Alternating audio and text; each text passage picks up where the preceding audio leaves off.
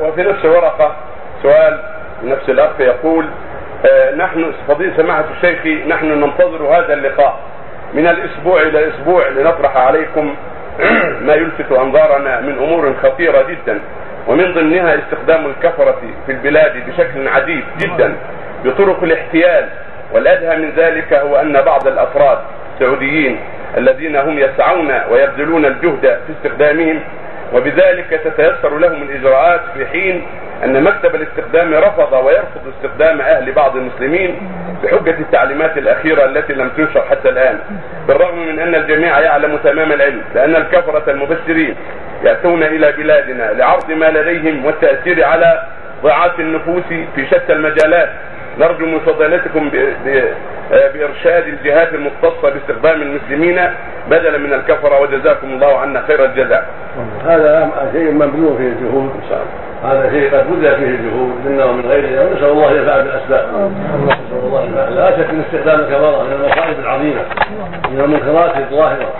الواجب على الشعب أن يكون حريصا على دينه بعيدا عن استخدام الكفره.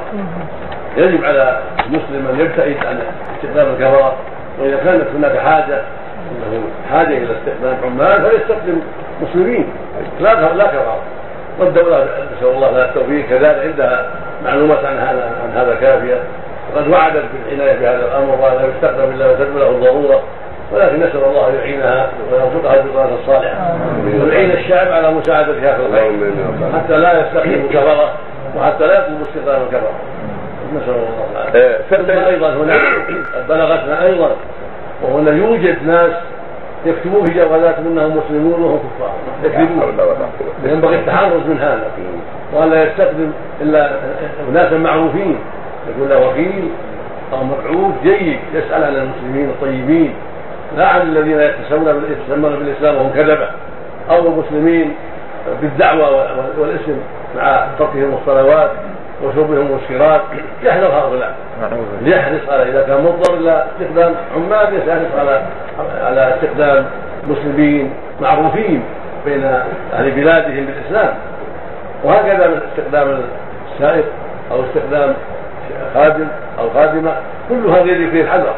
ولا يستخدم إلا من عرف بالإسلام والاستقامه والصلاه الحميده وإلا فليدع ويستعن بالله على العافيه عن عن هؤلاء يستعن بالله وليصبر على ما يحصل له من مشقة لئلا يقع في هذه البلية وهي استخدام الكفر